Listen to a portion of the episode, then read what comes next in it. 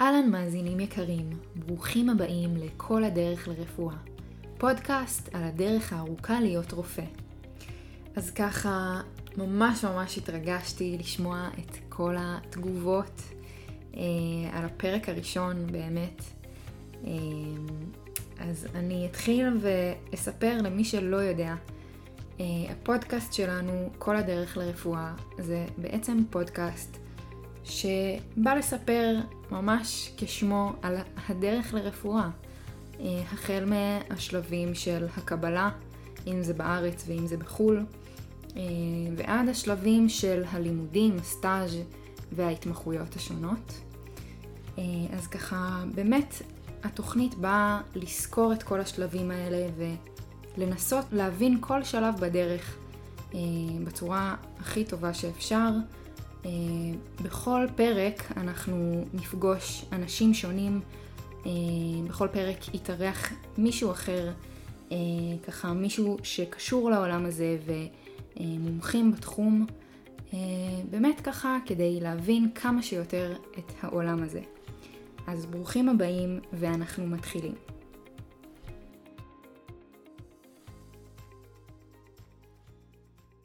אז היום נדבר uh, על המבחן הפסיכומטרי, uh, המבחן המדובר.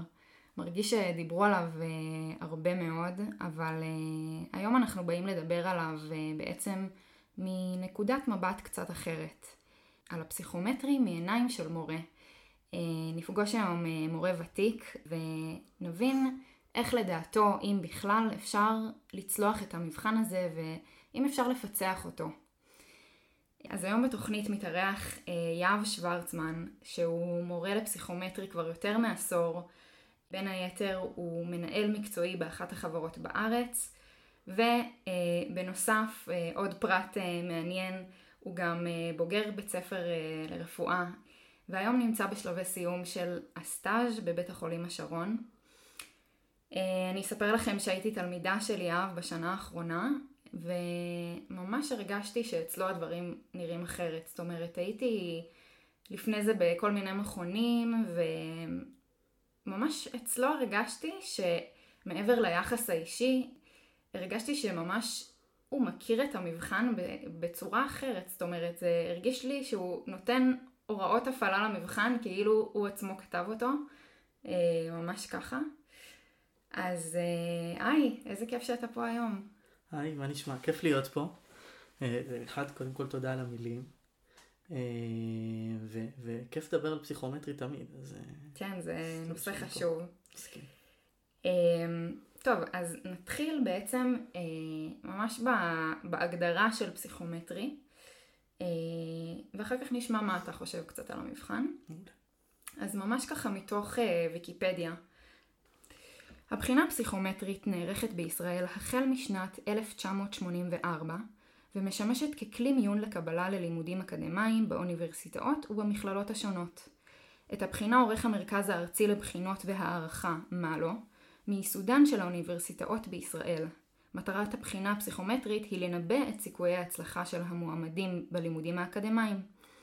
ציון משוקלל המשלב את ציון הבחינה הפסיכומטרית של המועמד, יחד עם ציוני הבגרות, הוא המנבא הטוב ביותר שנמצא עד כה להצלחת המועמד בשנת הלימודים הראשונה שלו באקדמיה, כלומר, בממוצע, ככל שציוני הפסיכומטרי והבגרויות של המועמד גבוהים יותר, כך הוא ייתה לקבל ציונים גבוהים יותר בלימודיו באוניברסיטה. אז ככה זאת ההגדרה הבאמת יבשה אה, מוויקיפדיה. ואני רוצה לשמוע בתור, אה, בתור יהב ובתור אה, מורה הרבה מאוד שנים, מה אתה חושב על המבחן? איך אתה מגדיר אותו בכלל בתור התחלה? אה, אז השאלה הזאת יכולה להתחלק להרבה מאוד דברים.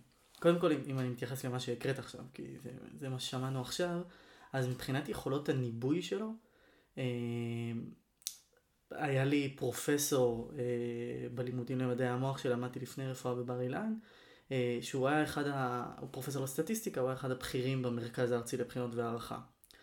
ואת רוב התרגילים בסטטיסטיקה הוא, הוא סיפר לנו על המבחן הפסיכומטרי ועל הבגרויות ובעצם על המדד התאמה של כל אחד מהם לה, להצלחה בלימודים האקדמיים, באקדמיה.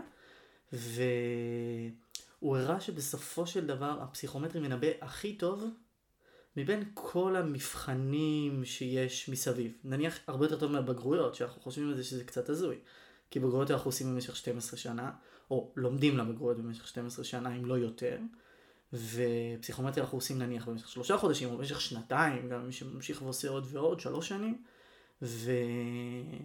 ו... ועדיין הפסיכומטרי מנבא יותר טוב.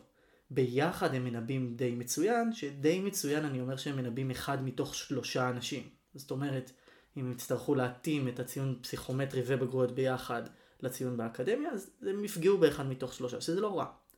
למה אתה קורא די טוב? זאת אומרת, אה, מה, מה הפרופסור הזה אומר? ש... הוא אומר שאין מבחן יותר טוב. הפסיכומטרי מנבא אחד לחמישה אנשים, והבגרויות אחד לשישה אנשים. זאת אומרת ששוב, הפסיכומטרי יותר טוב מבגרויות. האם מישהו יוכל להמציא מבחן אחר שעושה את הניבוי הזה יותר טוב למה יהיה הציון שלי בשנה הראשונה בלימודים באקדמיה? יכול להיות שיהיה בעתיד, אבל כרגע אין. אה, וכרגע אפילו לא, לא מצליחים להביא את המבחנים האחרים שיש, כמו הבגרויות, לאותו מצב. אה, שזה כאילו נקודת מבט סופר, אני לא יודע אם לקרוא לזה לוגיסטית, אבל סופר כאילו אובייקטיבית לחלוטין לפי המספרים. אה, לא מה אני מרגיש לגבי הבחינה ולא מה אני חושב שהיא מייצגת. זאת אומרת רק מבחינה סטטיסטית. מבחינה סטטיסטית, ששוב, בתכלס, זה מה שמנסים. לא אכפת להם מהאדם הבודד, שזה יכול להיות עצוב, זה קורה בהרבה דברים אחרים בארץ, אלא אכפת להם מהסטטיסטיקה הכוללת. Uh, עוד משהו שמעניין, uh, אם ניקח את המקרה של רפואה, uh, בעצם המבחן מנבא כמה, איזה תלמיד טוב תהיה. אז למה מכל המקצועות ברפואה דורשים את ה... אם, אם מסתכלים על זה בצורה שטחית, זאת אומרת מבחינה סטטיסטית, איך, כמה אתה תצליח. אה, לכל מקצוע יש את הרף שלו, כמובן לפי האוניברסיטה, אבל למה רפואה מקבלת את הרף הכי גבוה, אם אנחנו מסתכלים על זה רק מהפן הזה, ולא מהפן של אה, הביקוש הוא נורא נורא גבוה ומספר המקומות הוא נמוך? אבל אי אפשר לא להסתכל על זה מהפן של הביקוש הוא נורא גבוה והמספר המקומות הוא נמוך, כי שוב, הרי מה זה סכם? או מה זה הסף קבלה. סף קבלה זה משהו אחר, אבל מה זה מאיזה ציון מתקבל, ממשיכים למור או משהו כזה. זה פשוט, יש לנו, אנחנו יכולים להכניס 500 אנשים למור, ואנחנו לוקחים את ה-500 אנשים הראשונים. אז יש, יש כאלה שדנים על זה, וזה, וזה דיון נחמד, אני חושב, ש, שמעורר הרבה תהיות על המרוץ לציונים הגבוהים. האם בסופו של דבר המועמדים גורמים לעצמם לזה שהציון יהיה יותר ויותר גבוה. מספרית זה נכון, אבל השאלה אם יש אופציה אחרת מלנסות רק לשפר את הציון אם אין לי ציון מספיק גבוה. כן, אבל מה שאתה אומר הוא נכון מאוד וברור שאי אפשר אה, אה, לפצל את שתי הידיעות האלה שבעצם אה, שהביקוש הוא אדיר והכמות אה, מקומות היא באמת זעומה. אה, אבל מבחינה שטחית, המבחן רוצה לנבא אה, סטטיסטית כמה אתה תצליח בשנה. זאת אומרת, למה אה, בן אדם שהולך ללמוד פיזיקה, שלדעתי זה מקצוע הרבה יותר קשה אה, לימודית ואקדמאית מרפואה, צריך לקבל אה, ציון שהוא הרבה הרבה יותר נמוך אה, מרפואה, כאילו מבן אדם שהולך ללמוד רפואה. זאת אומרת, זה, בסוף הם קצת אה, כביכול מרמים את הסטטיסטיקה, לא?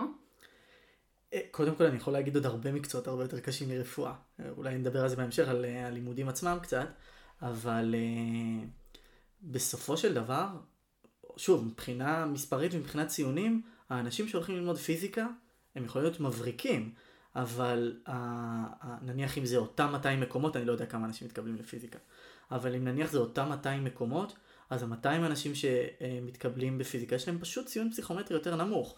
למה? כי יכול להיות שמראש הם לא שיפרו יותר והספיק להם בציון הראשון. אה, אני חושב שהנדסת חשמל מבחינת לימודים זה גם מקצוע הרבה יותר קשה ללמוד. חד משמעית. שוב, זה, זה תלוי במי אוהב מתמטיקה או לא, אבל זה מקצוע הרבה יותר קשה ללמוד. ו, ו, ו, ושוב, בפן אישי, אני מכיר חבר טוב שניגש פעם אחת לפסיכומטרי, לא כזה למד, קיבל 660 עם ציון כמותי גבוה, התקבל, וזהו. האם הוא היה יכול לקבל 730 אם הוא היה מתאמץ? אולי. אבל הוא לא צריך. Mm-hmm. אז, אז זה פתאום נראה שהנדסת חשמל צריכים רק 660. זה המצב. הם באמת צריכים רק 660, אבל זה לא אומר כלום. האמת שהיום כבר לא, אבל אמ, בעצם זה מוביל אותי לעוד שאלה, שאם בן אדם אה, צריך באמת כל כך להתאמץ כדי להגיע לציונים הבאמת מטורפים האלה שמבקשים כדי ללמוד רפואה בארץ. זאת אומרת, אם בן אדם אפילו מתחיל מציונים נמוכים ועושה שמיניות באוויר כדי ממש להגיע לציון הנחשף הזה, אז זה גם משהו שלדעתי קצת אה, מערער את האמינות של המבחן, כי, כי אם זה רוצה לבדוק את הנטייה הטבעית שלך, אה, על איך תהיה בשנה הראשונה, כי זה הרי, אה, זאת אומרת, איך שתהיה בשנה הראשונה זה היכולות לימוד שלך, אז האם זה שבן אדם עשה שמונה פסיכומטרי כדי בסוף להגיע לציון, אומר שהוא דווקא יהיה התלמיד הכי טוב? אז אני משתמש במילה שאמרת, הנטייה הטבעית, זה לא מה שזה בודק. אוקיי. Okay. זה בודק את היכולות לימוד. עכשיו, אם מישהו עשה שמונה פסיכומטרים, אז הוא שיפר מאוד את יכולות הלימוד שלו. ויכול להיות שהבשלות לא הייתה מספיקה בפסיכומטרי הראשון. שוב, מבחינה סטטיסטית המתאימה לפסיכומטרי, ובפסיכומטרי השמיני זה כן מתאים. עכשיו, האם כולם יכולים לעשות כזה שיפור? התשובה היא לא, לא, לא נכון, אוקיי? אה, אני גם, אה, אנחנו יכולים להרחיב על זה, אבל אני גם חושב ש... להגיד לכל אחד שהוא יכול לקבל 760, 770, זה, זה סוג, זה לא שקר, אבל אף אחד לא יכול לנבא את זה. יכול להיות שאנשים ייתקעו באיזשהו ציון, ואז יש מסלולים עקיפים. אם מדברים על רפואה, זה ארבע שנתי, או לימודים בחו"ל, או כל דבר כזה. אבל אנחנו מדברים על היכולות למידה וההצלחה בשנה הראשונה. ככל שעושים יותר פסיכומטרי, אין מה לעשות, אני מניח שגם מהחוויה שלך חווית את זה, משפרים משהו ביכולות למידה. גם הזמן שאני לומד לכל דבר, גם היכולת שאני לומד לכל דבר, גם היכולת שינון משתפרת, הרבה דברים משתפרים. תראה, בתור מישהי שגם עשתה אה, כמה פעמים פסיכומטרי, ברור שהיכולות שלי בפסיכומטרי אה, מפעם לפעם השתפרו, אבל אני לא בטוחה שזה דווקא מה שגורם לי להיות אחר כך אה, תלמידה יותר טובה. אני, אני כן חושבת ש, אה, שזה חידד לי אולי קצת את החשיבה, אבל כאילו, אוקיי, הייתי יותר טובה בפסיכומטרי. אבל היכולות למידה שלך, אם את מנסה שנייה לבודד את זה, הייתי יותר טובה בפסיכומטרי, בסדר. אבל היכולות למידה שלך השתפרו? אמ, אני מניחה שכן, אבל מעצם הסיבה שהייתי לומדת הרבה שעות ביום, זאת אומרת, אימנתי את המוח שלי ללמוד הרבה שעות ביום. אני לאו דווקא בטוחה שהטכניקות הספציפיות של הפסיכומטרי הם אלו ששיפרו לי את, ה... את יכולות הלמידה. לא, לא, אני לא מדבר על הטכניקות לפסיכומטרי. אני מדבר כרגע כמו שאמרת, על ישבת ולמדת שמונה שעות, זה מבחן שמכריח אותך ללמוד. נכון. בסופו של דבר הפסיכומטרי, אני, אני תמיד אומרים לי, תמיד איכשהו שאני אומר שאני מורה פסיכומטרי, שיש לי ציון גבוה, אז אומרים לי, אני, יש לי חבר, בן דוד, אה, סבא, סבתא וכל מיני כאלה שלמדו שעתיים וקיבלו 780. עכשיו, אני מלמד הרבה שנים, ואני מכיר מאות אם לא אלפי תלמידים, אני לא מכיר הרבה שלמדו שבועיים וקיבלו, זה, אני חושב שאני יכול לספור אותם אולי על שתי ידיים. אה, זאת אומרת שקודם כל זה סיפורים ושמועות, והפסיכומטרי נועד לשפר את יכולות הלמידה, הוא נועד ללמוד. כל האנשים שהם מורי פסיכומטרי איתי ויש להם ציונים גבוהים, אני אומר מורי ומורות פסיכומטרי בגלל ציונים גבוהים, למדו טוב לבחינה. אני למדתי 8-9 שעות ביום לבחינה. אז זה משפר את יכולות הלימוד, אין מה לעשות, זה עוד משהו להשקיע בו, כמו שבגרויות משפרות את יכולות הלימוד. אז תגיד, בעצם כשאתה, בתור מורה, כשאתה ניגש למבחן, מה אתה רואה? מה אתה רואה במבחן שהוא גם שונה מתלמיד ממוצע? קודם כל זו שאלה מעולה. ואני חושב שההבדל העיקרי הוא זה שאני רואה מבחן שכבר ראיתי. זאת אומרת, זה מבחן שבסופו של דבר חוזר על עצמו. ו... וזה משהו שתלמיד לא רואה. כשתלמידים ניגשים למבחן הם רואים איזושהי מפלצת שגדלה ומאיימת ו- ולוחצת, אני לא רואה את זה. אז נכון שאי אפשר להפריד את זה שאני, כשאני ניגש למבחן, אני כבר לא רואה את הלחץ. והם כן רואים את הלחץ, ואני חושב שהלחץ הוא, הוא משהו סופר משמעותי בכל מבחן, אני חושב שגם בחיים, אבל זה, זה נושא קצת יותר גדול מזה. אבל uh, אני, אני לא רואה את המפלצת הזאת, ואני חושב שככל שתלמידים ותלמידות יבינו שזה מבחן שחוזר על עצמו, וזה מבחן שראיתי כבר, וזה מבחן שהשאלות בו הן שאלות שדומות לשאלות שהם ראו מספיק פעמים, אז, אז, אה, אז המפלצת לא תהיה כל כך גדולה, וזה, ואם חזרנו לשאלה, אז זה ההבדל העיקרי. אז בעצם ממה שאתה אומר, זה קצת מרגיש ש... שאתה בעצמך מרגיש שפיצחת את המבחן. אז, אז המילה פיצחתי היא מילה שקשה לי. היא קצת גדולה. היא, היא גדולה, היא מתיימרת, היא אה, שוחצנית אפילו. קצת. אה, אני לא חושב שפיצחתי מבחן, אה, כי, כי זו לא חידה, אם אני חוזר לקודם. אין פה חידה, אין פה... תמיד הייתי עושה התערבויות, כן, במרכאות, עם תלמידים שלימדתי כיתות, על אוכל, תמיד על אוכל, שיביאו לי שאלה טריקית.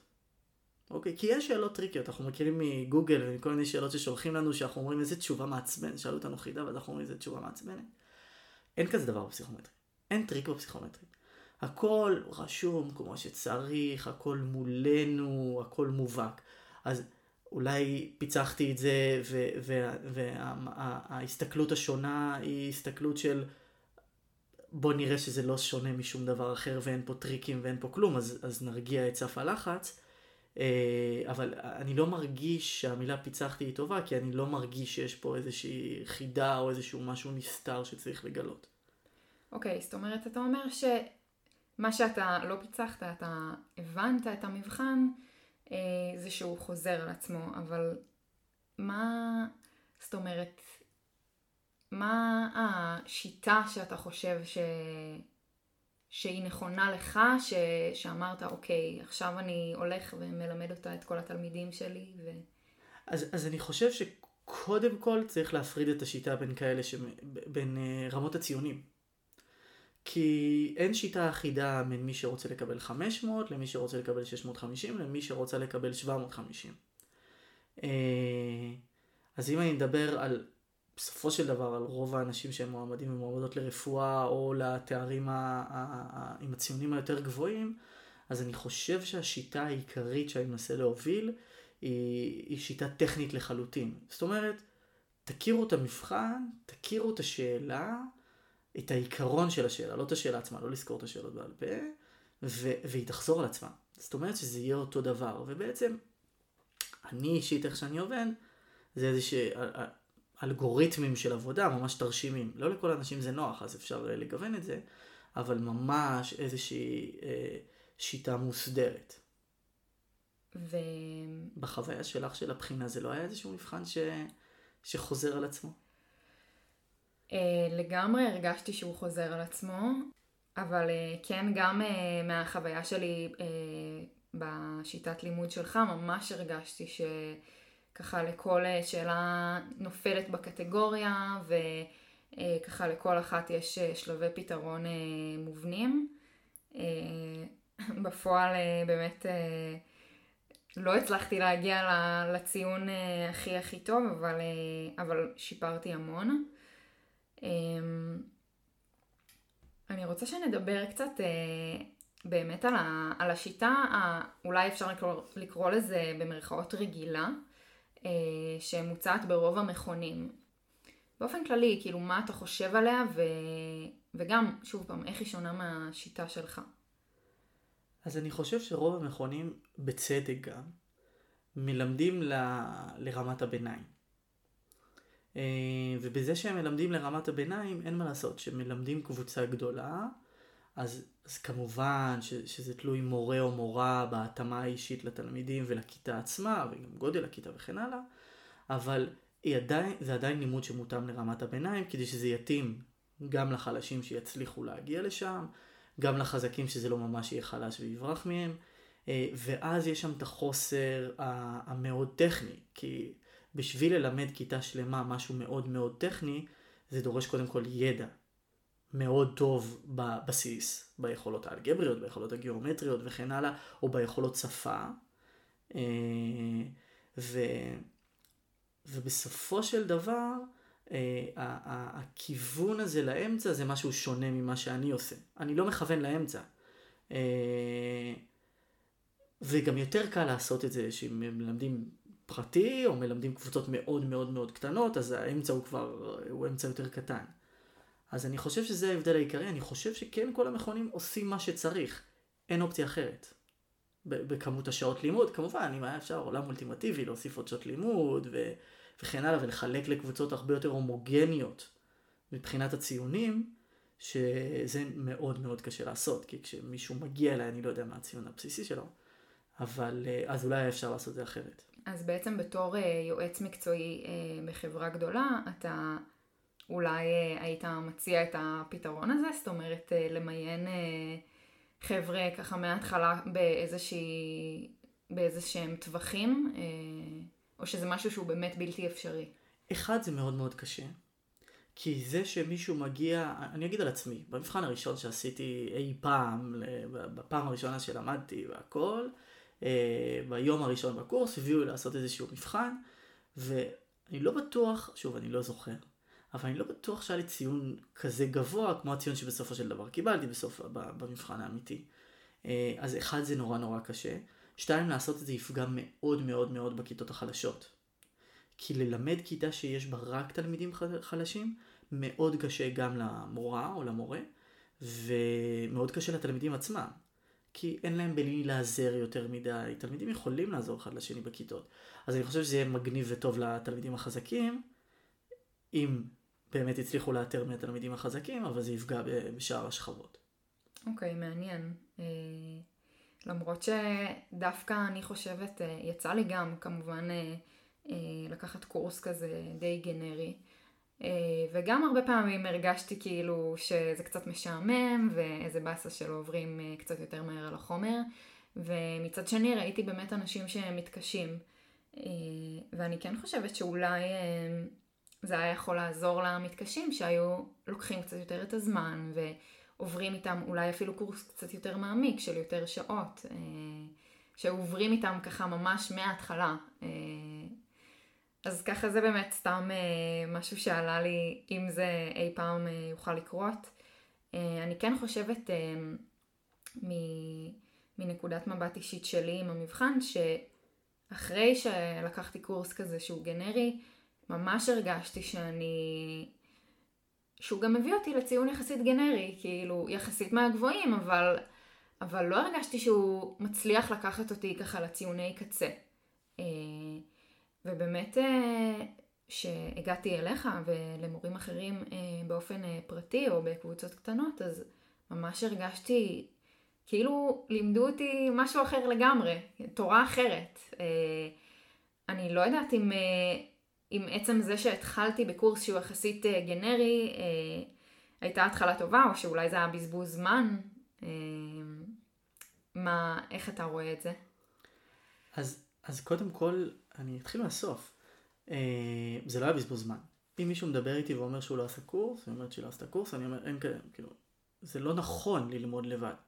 יש דברים שבלמידה לבד אה, פשוט מדולגים. למה הם מדולגים? כי אף אחד לא שואל אותם, זה נראה שזה עובר, והיתרון בכיתה, שיש תלמידים בכל מיני רמות ששואלים שאלות שאפילו לא חשבתי על לשאול שאלה כזאת, שפתאום מתגלה לי. אז אני חושב שהקורס הגנרי שאת קוראת לו הוא... הוא קורס חובה. כאילו, לא משנה איפה, כן? הוא קורס חובה. אמ, עכשיו, מעניין מה שאמרת, אני, אני גם דן בזה הרבה. אמרת, למדתי, שלמדתי אצלי ולמדתי אצל מורים אחרים באופן פרטי או בקבוצות קטנות, ופתאום גילו לך עולם חדש. עכשיו, אנחנו אותם מורים שמלמדים בכיתות. אני מדבר את אותה שפה בכיתה וב, ובשיעורים הפרטיים או בקבוצות קטנות. אז, אז למה החוויה שלך היא שונה בסופו של דבר? כי אחרי שקיבלת את הבסיס הבנת במה צריך אה, לשייף, מה צריך לעשות, ואז פתאום זה נשמע לך, וואו, איך אנחנו מתקדמים, אבל פשוט שייפנו את הדברים האלה. אם היית לומדת מההתחלה ככה, אני לא בטוח שהיית מרגישה את ה... בטוח לא היית מרגישה את ההבדל, כאילו הלך למה להשוות, אבל לא היית מרגישה אותו דבר בכלל, בכלל. כן. ואני כן רוצה להגיד משהו שהוא סופר חשוב. התחלתי מ... קיבלתי ציון גנרי, לא ציוני קצה, לא, לא, לא. דברים בפרופורציה זה לא ציון גנרי. הציונים של 750, אם, אם, אם אנחנו מדברים על האחוזים, האנשים שמקבלים מעל 750 זה 2% מהנבחנים. זה מעט. ברור. מאוד. כאילו אם נבחנים בערך, שוב, אני, אני לא יודע מה הסטטיסטיקה החדשה, אבל לפני שלוש שנים נבחנים בערך 60 אה, אלף אנשים בשנה, אז שני אחוז מזה זה, זה, זה, זה מספר מזערי של אנשים, שכולם רוצים להתקבל לרפואה, אבל זה מספר מזערי של אנשים, אז גם לקבל ציונים בגבוהים של ה-600 וב-700 זה מעל 90% מהאוכלוסייה. אם בכל דבר אחר היינו מעל 90% מהאוכלוסייה, זה היה עולם. תחשבי, אני... אני כן. תחשבי על מה שאת מתעסקת בו בתור תחביב, והיית אומרת, אני בעשרה, בעשירון העליון, בעשרה אחוז העליונים, הייתי אומר, וואו, איזה מדהים, כאילו, וואו. ולפעמים לא מרגישים ככה פסיכומטרי, מהסיבה שלא קיבלנו את הציון שאנחנו צריכים בשביל להתקבל.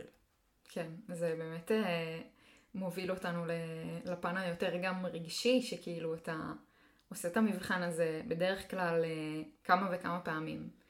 ואתה, כמו שאתה אומר, אתה כן, אה, ברור כאילו שזה תלוי מאיפה אתה מתחיל, כן, אבל רוב האנשים אחרי כמה פסיכומטרים כבר כן מגיעים לציונים האלה שהם 600 פלוס, אם לא 700 פלוס אפילו, ועדיין אה, הרבה פעמים מרגישים שבגלל שהם לא עברו את ה-750 אז, אז הם לא מספיק טובים, ו, והפן המנטלי גם מאוד מאוד קשה במבחן הזה, אה, גם מבחינת לחץ במהלך הבחינה, וגם אה, מבחינת אה, אפילו תחושת כישלון.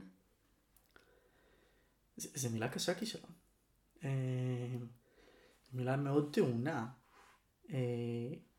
זה נכון מה שאת אומרת, זה לא תלוי בציונים, אני חושב, כן, אני עכשיו אומר את דעתי, לא אומר משהו מקצועי יותר, קצת מקצועי מעולם אחר, מעולם הרפואה, הפסיכיאטריה וכן הלאה, אבל זה יותר טייפ של אישיות. ההרגשה הזאת שאני לא מספיק טוב, וזה כישלון שקיבלתי רק 720, ו... ואיזה לא מוצלחת אני, או משהו כזה, כי לא הגעתי לציון שאני צריכה ועשיתי כבר שלוש פסיכומטרי, או ארבע פסיכומטרי, או שש פסיכומטרי, זה מאוד מאוד משהו אישיותי. אני חושב שזה חלק מהבעיה, אני אגיד משהו שנשמע כאילו אני זקן יותר מדי, אני לא כזה זקן. אה, אבל, אבל זה משהו ש, שאנחנו מתג, מתג, מתבגרים לתוכו. אה, זה, זה משפט שהייתי אומר לעצמי בגיל 21, ועכשיו אני פחות אגיד את זה לעצמי אם לא קיבלתי את מה שאני רוצה ואת מה שאני צריך. אני כן, כן מסכים לגמרי שהפן המנטלי בפסיכומטרי הוא קריטי. הוא 50% מלגשת למבחן. ואני חושב שלא מעט אנשים אה, חווים איזושהי חרדת בחינות ברמה כזו או אחרת. לא לכולם יש התקפי חרדה, אבל לא צריך להגיע להתקף חרדה מלא של אה, קושי בנשימה והזעה ודפיקות לב מהירות, בשביל להיות בלחץ משתק באופן מסוים, או בלחץ שפוגע בציון. ו... וזה משהו שצריך לעבוד עליו, וזה משהו שצריך לעבוד עליו מראש, וזה משהו שצריך uh, במקרים יותר קיצוניים לטפל בו. אני יכולה להגיד מחוויה אישית שלגמרי הרגשתי את הלחץ הזה של המבחן. אמ, ואיך ניסית להתמודד איתו? אה, זה התחיל בזה ש...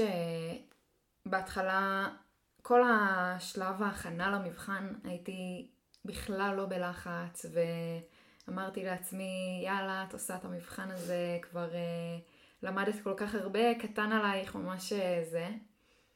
והגעתי למבחן, פשוט התיישבתי, והלחץ כאילו שיתק אותי, ממש. באמת uh, עשיתי את המבחן וזה. אה, ואחר כך אה, המשכתי להתכונן לעוד פסיכומטרי, ושם כבר באמת אה, התחלתי לחשוב מה אני עושה, איך אני עושה,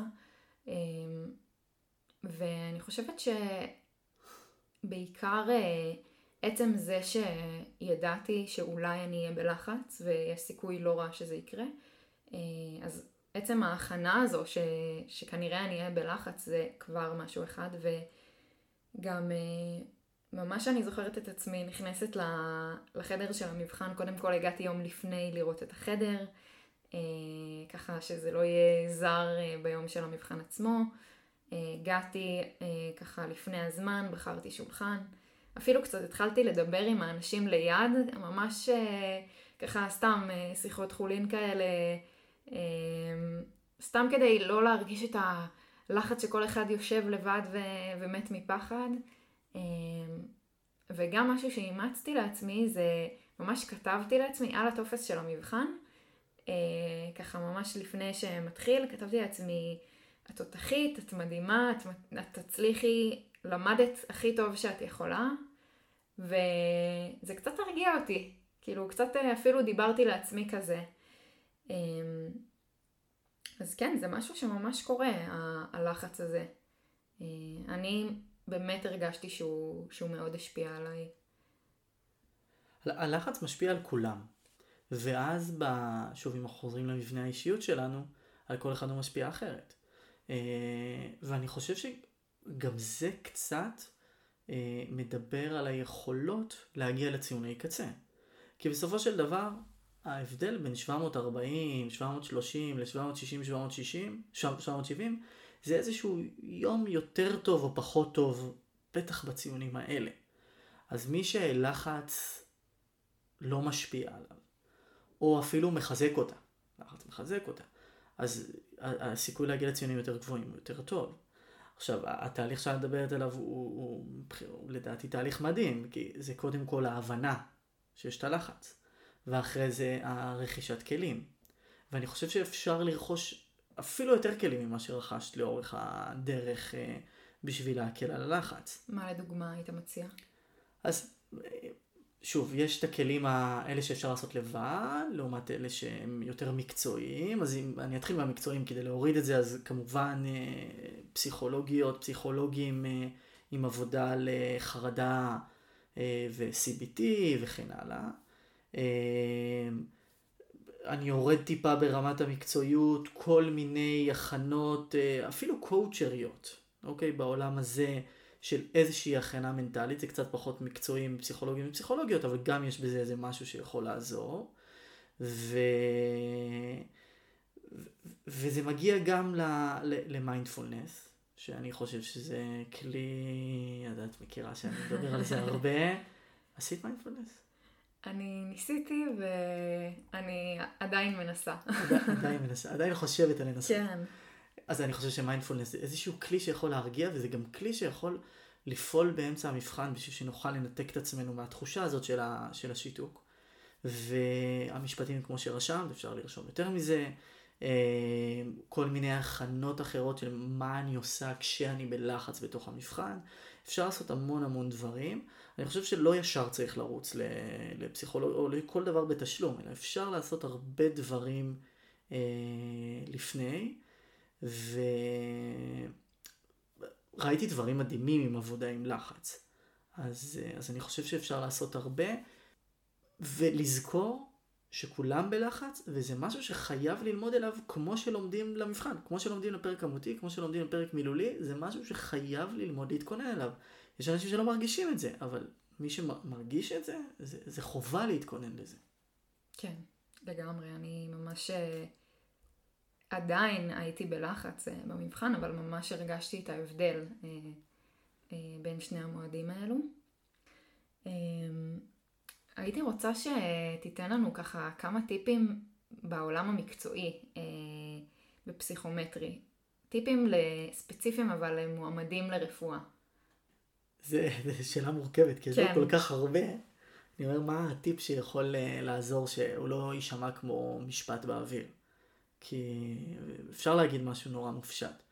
אני חושב שהטיפ העיקרי אה, הוא שני דברים. בוא נלך על שני דברים. אחד זה ללמוד את המבחן בצורה טכנית, אוקיי? כל אחד יעשה את הטכני בצורה אחרת, זה לא כזה משנה, אבל להבין שהשאלות חוזרות, לעצ... חוזרות על עצמם, והרעיון הוא להכיר את עקרונות השאלות. Uh, הסיבה שמורות ומורי פסיכומטרי פותרים יותר מהר ויותר טוב זה כי אנחנו מכירים את העיקרון של השאלות. וככל שנכיר יותר טוב עקרונות של שאלות, יהיה לנו אפילו יותר זמן לשאלות שמפתיעות אותנו. אם תבוא איזושהי שאלה שמפתיעה. Uh, והדבר השני, שזה, אני, אני לא מצליח להבין למה, ואני מדבר על זה כל כך הרבה עם, עם הרבה אנשים, גם סתם אנשים שמתייעצים איתי וכן הלאה, זה תחקורים. Uh, יש, לא לכולם, לא לרוב, אבל יש איזשהו זלזול או איזושהי uh, התייחסות כזה ב... לא בעומק מספיק לתחקורים. אה, יכול להיות שלא יודעים לעשות את זה נכון, או שפשוט אה, אומרים סבבה, אני מקבלת 740, אני צריכה לתחקר כולה שש שאלות שטעיתי בהן, שזה לא נכון. כי בסופו של דבר, בגלל שהמבחן הוא חזרתי, שאלות שטעינו בהן זה רק עוד נדבך למה אנחנו יכולים ללמוד מאותו מבחן שעשינו. ודווקא השאלות שצדקנו, הן השאלות שכדאי לעבור, כמובן בנוסף לשאלות שטעינו בהן, וככה להכיר יותר טוב את העקרונות למבחן. ואני חושב שהעבודה על תחקור ממש לעומק, ולא לעשות תחקור חצי שעה, לעשות תחקור שש שעות, שזה נשמע מצחיק לפעמים לאנשים שאני אומר להם את זה. זאת אומרת, אה, לדעתך, התחקור הוא לא רק שהוא חלק בלתי נפרד, הוא אפילו לפעמים יותר חשוב מהסימולציה עצמה. את, את אומרת משפט מדהים, הסימולציה עצמה לא חשובה. אם מישהי או מישהו לא מתחקרים סימולציה, אפשר לקחת אותה, לעשות אותה ולזרוק אותה לפח. זה הדבר הכי מגוחך בעולם לעשות מבחן שלא עברתי עליו אחרי זה. כאילו, אז מה אני לומד ממנו? סימולציה משמע כי אני סימולציה. היא מדמה את משהו שמדמה את המבחן האמיתי. היא לא בחינה. אנחנו פשוט כל כך רגילים, אם שנייה אני אחזור לפן המנטלי, אנחנו כל כך רגילים למבחנים בבית ספר, שכל מבחן היה עם ציון. וכל מבחן היה בעצם הציון הגשה שלנו, או משהו כזה. וקצת איבדנו את הרעיון לזה שאפשר ללמוד ממבחנים, כי פחות מתעסקים עם זה בבית ספר. ובעצם כל מבחן שאני עושה בבית זה עוד פן ללמידה. זה שקיבלתי במבחן זה 710, לא אומר עליי כלום. אם למדתי ממנו והפכתי את ה-710 ל-715, יצא מזה משהו. אם לקחתי את ה-710 הזה והשארתי אותו 710, לא למדתי מזה כלום. זה גם מה שלפעמים גורם לככה שהרבה מאוד מועמדים ומועמדות לרפואה אומרים בסימולציות בבית קיבלתי 760 ופתאום אה, אני במבחן האמיתי מקבל 710. זה יותר מ... יכול להיות מפן של לחץ גם. זה שני הדברים. זה פן של לחץ ופן של אנחנו בבית בכלל לא בלחץ ואז שאנחנו מוסיפים את הלחץ לזה שלא למדנו מספיק טוב את התחקור זה הופך לזה ביחד. אני בטוח שזה פן של לחץ אבל כן. אני חושב שאפשר לנסות להתכונן לזה. ואמרת לתחקר כמו שצריך, אבל מה זה לדעתך לתחקר כמו שצריך? מבחינתי לתחקר כמו שצריך זה לעבור על כל שאלה במבחן, כולל שאלות שצדקנו, כולל שאלות שטעינו, וממש לפתור אותם כאילו זה הפעם הראשונה שנתקלנו בנושא הזה בכלל. מה זאת אומרת? אם מדברים על כמותי נניח, אז לפתור בכל השיטות, בלי קשר לשאלה, ש... לדרך שפתרתי. ההתעסקות ב"האם מה שעשיתי נכון" היא התעסקות מיותרת. סבבה אם זה נכון או לא נכון, אבל אני עכשיו פותר בכל השיטות, ואני מנסה להבין אם אני יכול לחזור עוד פעם לאותה הדרך, כי יש סימן זיהוי שמלווה את אותה שאלה שהוביל אותי לאותה הדרך.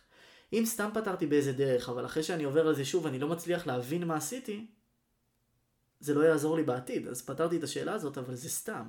וזה נכון גם לאנלוגיות. אם ניחשתי אנלוגיה, אה, ואני לא עושה את כל הדרך נכון, ואני לא עובר אחרי זה על המשפטים המקשרים בין התשובות, אז אין לי, אין לי לאן, כאילו, אני לא אתקדם בחיים, אלא פשוט פתרתי נכון או לא, זה V או X, ו-V או X לא מקדם. זאת אומרת, לדעתך, אה, לפי מה שאתה אומר, אני אה, אחרי סימולציה צריכה לשבת ולפתור כל שאלה בכל דרך אפשרית, ולהבין מה היה הכי טוב.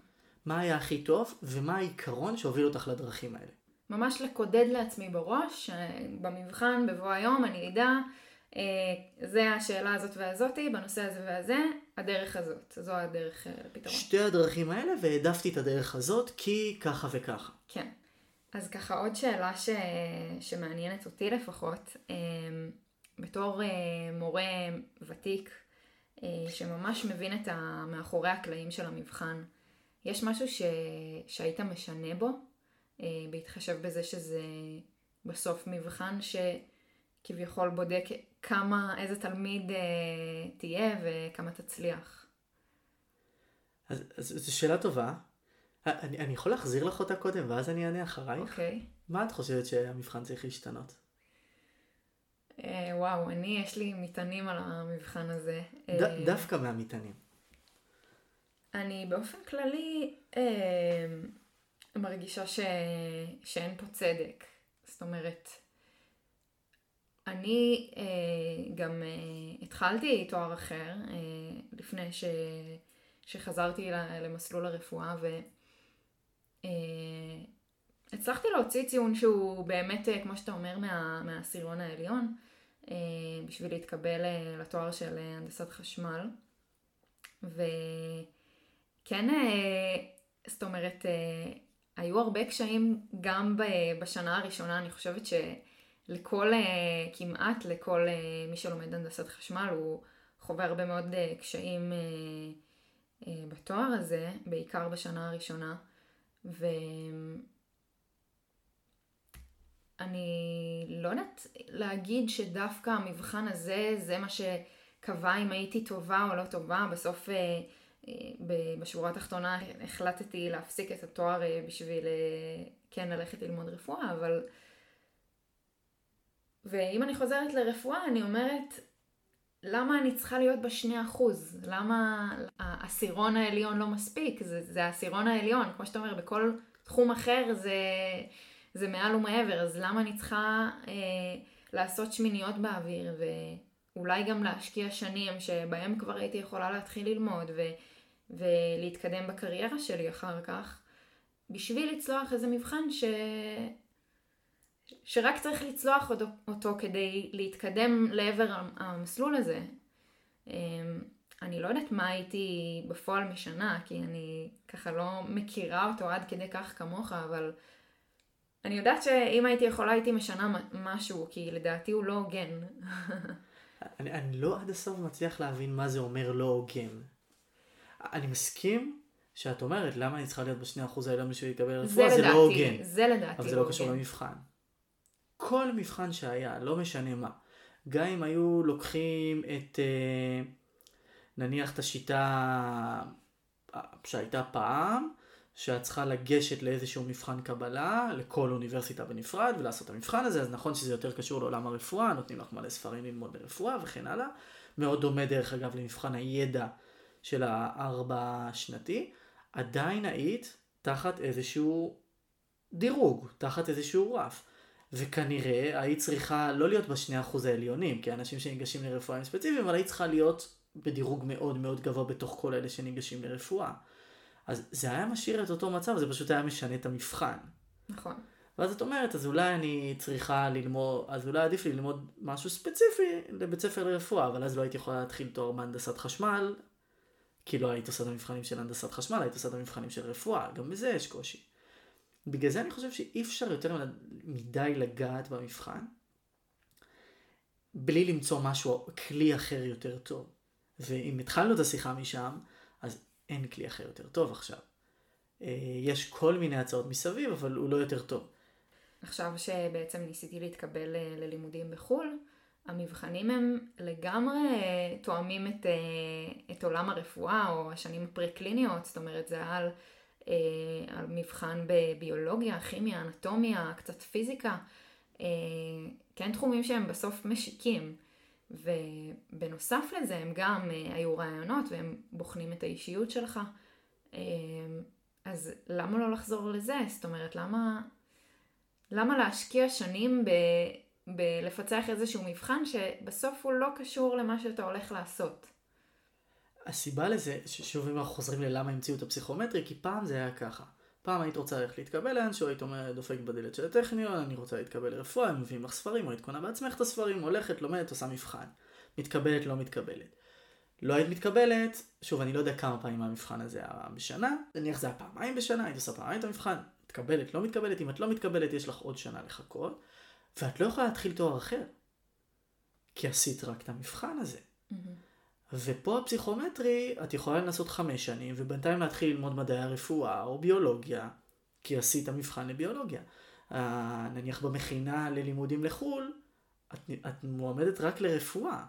את לא יכולה ללמוד שם פתאום uh, ביולוגיה מולקולרית. אז יש בזה קושי מאוד גדול. אז נכון, למי שמכוון, אז אולי זה יהיה קצת יותר קל, וגם לא בטוח. כי שוב, צריך להיות באחוזון מאוד גבוה בין תוך כל אלה שניגשים. אם כן אני חוזר למה צריך לשנות במבחן, אה, אז אני חושב שהדבר היחיד שהוא בר שינוי, כי אני פשוט חושב שאולי אפשר לעשות אותו יותר טוב, ואני חושב שהמרכז הארצי מכוון לשם, זה החלק באנגלית. הוא מתכוון להפריד את החלק באנגלית מהמבחן, זה, זה היה התוכנית חומש שלהם שאמורה להיגמר עוד שנתיים, אני לא רואה את זה קורה, אבל עוד שנה וחצי, אבל יכול להיות שכן. להפריד את החלק באנגלית במבחן, לעשות מבחן מיועד רק לאנגלית. אני באמת חושב שהאנגלית צריכה להיות נפרדת, כי בין אם אני יודע את המילה בשאלה 8 בסנטנס קומפלישן, או לא יודע את המילה אני לא חושב שזה מה שמעיד אם אני יכול להתקבל או לא, כי זה גם לא ספציפית שינון, כי אין לי מאיפה לשנן. זאת אומרת, ו... המבחן יהיה רק uh, הכמותי והמילולי. זה הכיוון. והאנגלית יהיה... יכול להיות שהם שינו את זה, כן, והם עכשיו עושים כל מיני דברים אחרים, כי הם לא התקדמו כל כך בנושא לפי מה שאני יודע, אבל האנגלית יהיה מבחן נפרד. שגם אותו אתה תצטרך לעבור אה, בשביל להתקבל לכל תואר, אני מבינה. לכל תואר אבל. כן. זה לא באמת משנה. נניח היום, נכון, יש אה, מי שלא מצליח בפסיכומטרי באנגלית, יש מבחן אמיר נכון. או אמירם וכאלה, אז היום יש מבחן דואלינגו. כן. שזה מבחן מגניב, עשיתי אותו סתם בשביל להתנסות, מבחן מגניב, מבחן שצריך גם לדבר בו, מבחן שצריך גם לכתוב בו, הייתי צריך במשך חמש דקות לדבר על ספר אהוב. אז uh, אני חושב שיש כלים הרבה יותר טובים לבחון אנגלית של בן אדם, מאשר לדעת אם הוא יודע מה המילה הזאת אומרת או לא אומרת. זאת אומרת, האנגלית בכלל תצא מהשקלול של הציון? זה היה בתוכנית החומש שלהם. אני לא בטוח שזה מה שיקרה, אבל בתוכנית שהם הציגו, לפני שנתיים לדעתי, אה, כן. מעניין. אני אבדוק על זה. תעדכני אותי. טוב, אז ככה... אמ, אה, ככה לסיום אה, החלק על הפסיכומטרי, אה, רציתי לשאול אם יש לך ככה איזושהי דוגמה לשאלה, הרי בתור מורה אתה גם ניגש לפסיכומטרי פעם ב, ואם הייתה שאלה שנתקלת בה ופשוט היא הפתיעה אותך, זאת אומרת היא תפסה אותך לא מוכן, או שזה כבר משהו שלא קורה לך. אז, אז אם חוזרים למה שאמרתי זה כבר משהו שלא קורה לי. בכמותי זה בטוח לא קורה לי. אה, אנגלית אני עוזב שנייה בצד, כי שוב אמרתי אה, מילה שמונה וזה, האם אני יכול לא לדעת את המילים בשאלה שמונה בסנס קומפלישן? התשובה היא כן, ברור. אה, והאמת הייתה שאלה מילולית, בהבנה והסקה, ששוב, כל השאלות גם די חוזרות על עצמם, וקראתי את השאלה וזה היה נראה סבבה, ואז קראתי את המלל, זה היה מין שאלת פסקה, זה היה לא מזמן. ו... ולא הבנתי. פשוט קראתי ואמרתי, וואו, אני באמת לא מבין אני לא בטוח מה קראתי, אני לא מבין אף מילה. אחרי שקראת פעם אחת או... גם חזרתי פעמיים, היה לי זמן. אמרתי, אני לא כל כך מבין. ואחרי הפעם השנייה אמרתי, טוב, זה לא השיטה שאני מלמד, אני מלמד לקרוא פעם אחת, בואו נלך לתשובות, יהיה בסדר. המרכז הארצי חוזר על עצמו ב... בעקרונות גם בתשובות. והתשובות היו ברורות. אבל השוק מזה שאני קורא שאלה ואני אומר לעצמי, אני לא בטוח שאני יודע, אני לא בטוח שזה עברית תוך כדי שאני קורא אותה, אז זה היה, זה היה משהו מעניין, זה לא קורה הרבה. מעניין. מעניין שגם uh, בתור מורה ותיק ומנוסה, גם לך זה יכול לקרות. ואני בטוח שדרך אגב, אם תלמיד או תלמידה היו רואים את השאלה, סף הלחץ היה עולה. כן. מזל שזו הייתה השאלה האחרונה בהבנה והסקה, אני לא יודע כמה אנשים היו רואים את השאלה או זה, אבל... Uh, שחור בעיניים. בטוח, ו... ממש, ממש, שלא יכול. להיות. בהצלחה. ממש, לגמרי. Um, טוב, אז בוא נדבר קצת עליך. Uh, מעבר לזה שאתה... אה, מורה מאוד מנוסה, אה, אתה גם רופא, אה, ועכשיו... עוד קצת. עוד, עוד חודשיים. עוד חודשיים. כמעט. כן, כמעט. וגם ציינת ככה בקטנה שלפני זה התחלת ללמוד תואר במדעי המוח. אז תספר לנו קצת על, הדרך הזאת. מה גרם לך להתחיל מדעי המוח, לעבור לרפואה? אז בעיקרון כל חיי גדלתי באיזשהו עולם אה, ביולוגיה ומדע, אני מאוד אה, מחובר לזה, אה, מאוד צד ריאלי, וכשהלכתי ללמוד, לא, בוא נגיד שרפואה לא היה הדבר שהכי רציתי בעולם, זה לא חלום חיי, אני יודע שעכשיו יש מועמדות ומועמדים שיכעסו לזה, אבל זה לא היה חלום חיי. זה כן משהו שידעתי שקיים, אבל זה לא הדבר ש... אמרתי שזה מה שאני רוצה, והתחלתי ללמוד מדעי המוח כי מאוד עניין אותי אה, עדיין התנהגות. אה, בדיעבד זה לא היה החלטה נכונה ללכת ללמוד מדעי המוח, אם מה שמעניין אותי זה התנהגות, אבל התחלתי מדעי המוח בבר אילן, אה, ובסוף השנה הראשונה מתחלקים למסלולים, למסלול פסיכולוגי ולמסלול ביולוגי, וכמובן הלכתי למסלול הפסיכולוגי, והבנתי כמה מרתק אותי המסלול הפסיכולוגי וכמה פחות מרתק אותי להיות במעמדה במדעי המוח. ואז היה לי התלבטות מאוד מאוד גדולה בין לעבור לפסיכולוגיה קלינית, יש איזשהו מסלול שאפשר uh, טיפה לקצר את השנים, שפסיכולוגיה קלינית זה גם מסלול מאוד ארוך, כאילו פסיכולוגיה ואז פסיכולוגיה קלינית, או ללכת לרפואה ולעולם הפסיכיאטריה, uh, שזה תחומים דומים, לא זהים כמובן. ואחרי הרבה דיונים ומחשבות על מה בסופו של דבר ייתן לי את, ה, את המספיק מרחב ומספיק דלתות פתוחות בהמשך, אז החלטתי לעבור לרפואה, למסלול השש שנתי מההתחלה. זאת אומרת, אה, כמה שנים עשית בתואר של... אה, למדתי שנתיים, אה, סיימתי את כל הבחינות של השנתיים, היה חסר לי עוד שנה, והחלטתי לעזוב. תוך כדי עשיתי, תוך כדי התואר עשיתי את כל המבחנים שקשורים לרפואה. אה, והתקבלתי למסלול השש-שנתי, ומראש ידעתי שאני הולך לעולם הפסיכיאטריה. מעניין. אה... הרבה אנשים דווקא מתחילים את התואר, ב... את התואר ברפואה במין אה, כזה פתיחות למה שיקרה ולאן התואר יוביל אותם, אז אתה ממש הגעת עם ככה מטרה מכוונת. לגמרי. זה היה מאוד מאוד מכוון, שאמרתי, אני לא סוגר את עצמי לגמרי, שוב, אני בן אדם סקרן בעקרונו, אבל uh, אני לא רואה שמשהו אחר יכול uh, למשוך אותי. אני מאוד מחובר לעולם הספורט, אז אמרתי אולי אורתופדיה ימשוך אותי, אבל זה תחומים מאוד שונים, פסיכיאטריה ואורתופדיה. Uh, וככל שהשנים עברו, uh, הבנתי יותר ויותר שעולם הרפואה הקלאסית, במרכאות, פחות ופחות אני, ושתחום הנפש ותחום ההתנהגות זה מה שאני הרבה הרבה יותר מתחבר אליו. מה גרם לך להבין שזה פחות אתה, הרפואה כביכול פרופר? שהלימודים די שעממו אותי. כן? ודי סבלתי בהם, לאורך כל השנים. אה, לא זוכר, היו מחלקות שהיה לי כיף, כי האנשים טובים, ובסך הכל אה, העולם הוא עולם של אנשים טובים, עולם הרפואה, ברובו, אה, אבל לא, לא, סבלתי מכל מחלקה. אתה מדבר על השנים הקליניות כבר. כן, בקדם קליניות זה סתם ללמוד ביולוגיה עקרונית, האם האנטומיה נהניתי בסדר היה, אבל לא יותר מדי נהניתי. ו- וכן, גם מהשנים הפרה-קליניות וגם מהקליניות, אם את מחזירה אותי לשם, אז זה היה סבל מוחלט. וואו, זה ממש דעה לא פופולרית. מעניין זה, שאתה... זו דעה מאוד לא פופולרית שצריכה להישמע. כן. Uh, כי אני חושב שכאילו יש פה ניסיון, איזשהו ניסיון לפעמים להגן על זה שאני בבית ספר רפואה, זה צריך לעניין אותי, אני אהיה רופא. נלחמתי להגיע לזה. נלחמתי, אני אהיה רופא, אז אני צריך לאהוב הכל בעולם הרפואה וזה. אני לא חושב שזה נכון, אני מאוד אוהב את מה שאני הולך לעשות. זה יפה שבאמת אה, ככה כל הדרך המשכת גם אה, למרות שלא עניין אותך ובשביל המטרה הסופית, זאת אומרת שבקצה אתה רוצה להיות פסיכיאטר. זה... זה הרבה שנים של אה, לעשות משהו שאתה לא כל כך אוהב. אז, אז, אז אם את שואלת את זה ככה, היו פעמים שנשברתי. כן? אה, כן, היה, אני זוכר לפחות שלוש פעמים ששקלתי בכובד ראש לעזוב ולעשות משהו אחר עם החיים שלי, כי אני מאוד אוהב את עולם ההוראה. אז היה שלב שאמרתי, אני עוזב הכל ואני הולך לעולם ההוראה לגמרי. אה, מה החזיק אותך? המשפחה והסירות והתחביבים. Mm-hmm. כאילו אמרתי, אני אסיים את זה בשביל זה, אני אמשיך בהוראה בהמשך, בטוח אני אעסוק בהוראה בהמשך, אבל בוא נסיים את התואר הזה, אני כבר נמצא בו, עזבתי תואר אחד, אי אפשר לעזוב עוד אחד.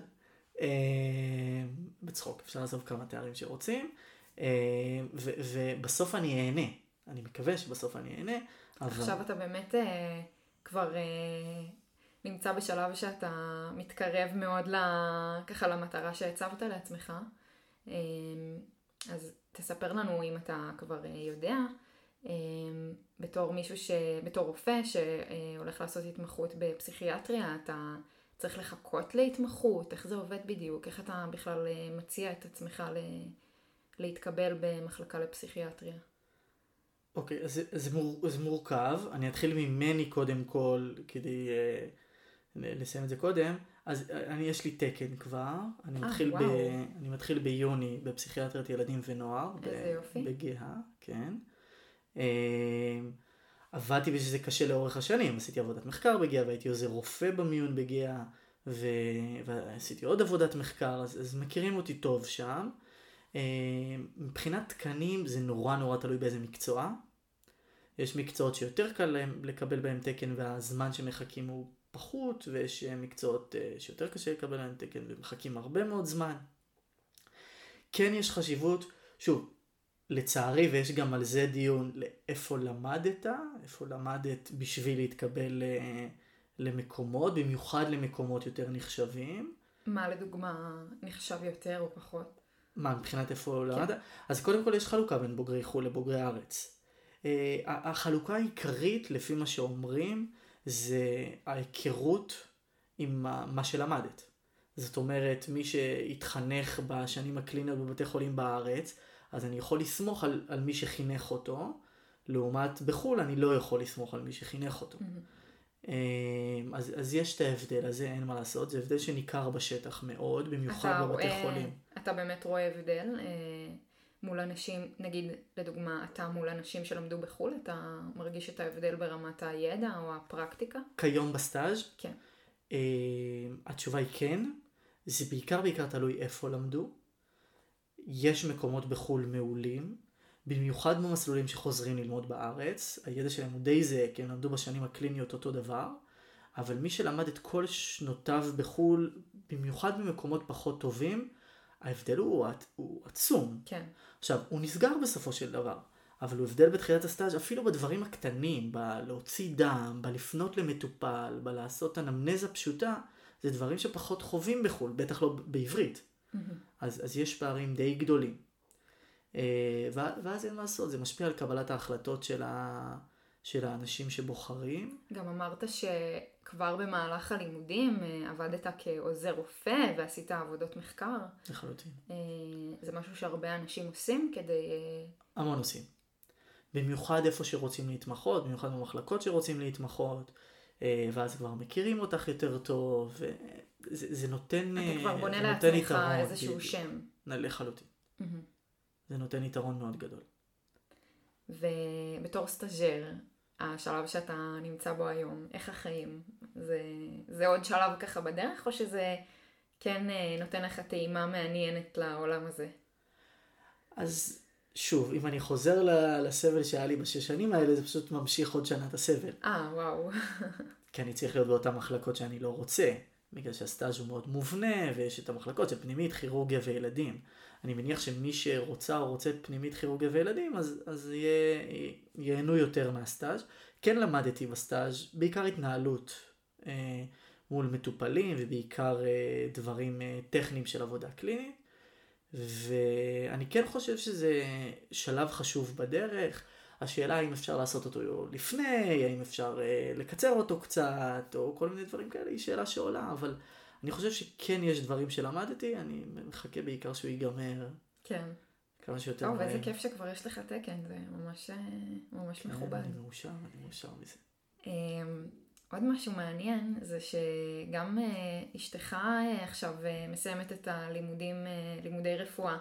נכון. אז uh, הייתי רוצה לשאול איך זה, איך אתה חושב על זה? זאת אומרת, זה קצת מפחיד אותך אולי, האינטנסיביות של המקצוע הזה, להיות זוג של רופאים, uh, בענייני האמת, משפחה. זה, ו... אז האמת זה, זה מפחיד מאוד. כי, שוב, אני לא יודע באיזה התמחות היא תבחר בסוף, uh, אבל בסופו של דבר גם אם תבחר התמחות שהתורנויות בה מועטות, ונניח תורנות מאוד נוחה, אה, תורנויות נוחות ו- וחוויה נוחה, עדיין זה אומר שלפחות שמונה ימים בחודש, ארבע תורנויות שלי וארבע תורנויות שלה, לא נתראה בכלל. כאילו יום שלם, זאת אומרת פעמיים בשבוע שאנחנו לא רואים אחד את השנייה. אז בטח למחשבות העתידיות, משפחה וכאלה, ואפילו לסוגיות שלנו, עזבי שנייה משפחה בהמשך, זה, זה משהו שהוא בעייתי. אבל אנשים מתמודדים עם זה, כאילו בסופו של דבר מוצאים את הדרך, מוצאים את, המקום הנכון. אני חושב שיש התמחויות שיותר נעימות לזה. כן. אה, אני יכולה להגיד סתם אה, מהחוויה האישית שלי, שגם שני ההורים שלי הם רופאים, אה, אז כמובן שאני בתור הילדה הקטנה קצת פחות יצא לי לחוות את זה, באמת הם כבר שניהם היו בסוף ההתמחויות, אבל מסיפורים אני יודעת ש... הם ממש היו קובעים את ההתמחויות, אה, כמה שיותר מנסים לעשות את ההתמחויות ביחד, הכוונה את המשמרות, את התורנויות. אה, ככה ש... שבזמן שהם כן בבית, שהם כן אה, יוכלו להתראות. וגם ככה סיפורים על זה שהם היו שמים את האחים שלי אצל הסבא וסבתא בסוף השבוע, זה ככה ממש שני הורים רופאים זה צריך עזרה מכל המשפחה. לגמרי, זה, אני, אני מניח שזו תהיה חוויה קשה, אנחנו עדיין לא שם. כן. אבל אני מניח שזו תהיה חוויה קשה. טוב, אז ככה לסיום, זה בכל זאת אתה כבר נמצא בשלב מאוד מתקדם בדרך ובתהליך, אבל כן הייתי רוצה לשאול איפה אתה רואה את עצמך עוד עשר שנים מהיום. שאלה רחוקה. כן. ככל שמתקדמים בשנים מבינים שלחשוב על עשר שנים קדימה זה הרבה. אה, אז עשר שנים מהיום אני כבר רואה את עצמי פסיכיאטר לילדים ונוער. כמה שנים זה ההתמחות? חמש שנים. כן. פסיכיאטרית ילדים ונוער זה חמש שנים, זה התמחות גם ישירה, לא צריך לעשות מבוגרים בדרך.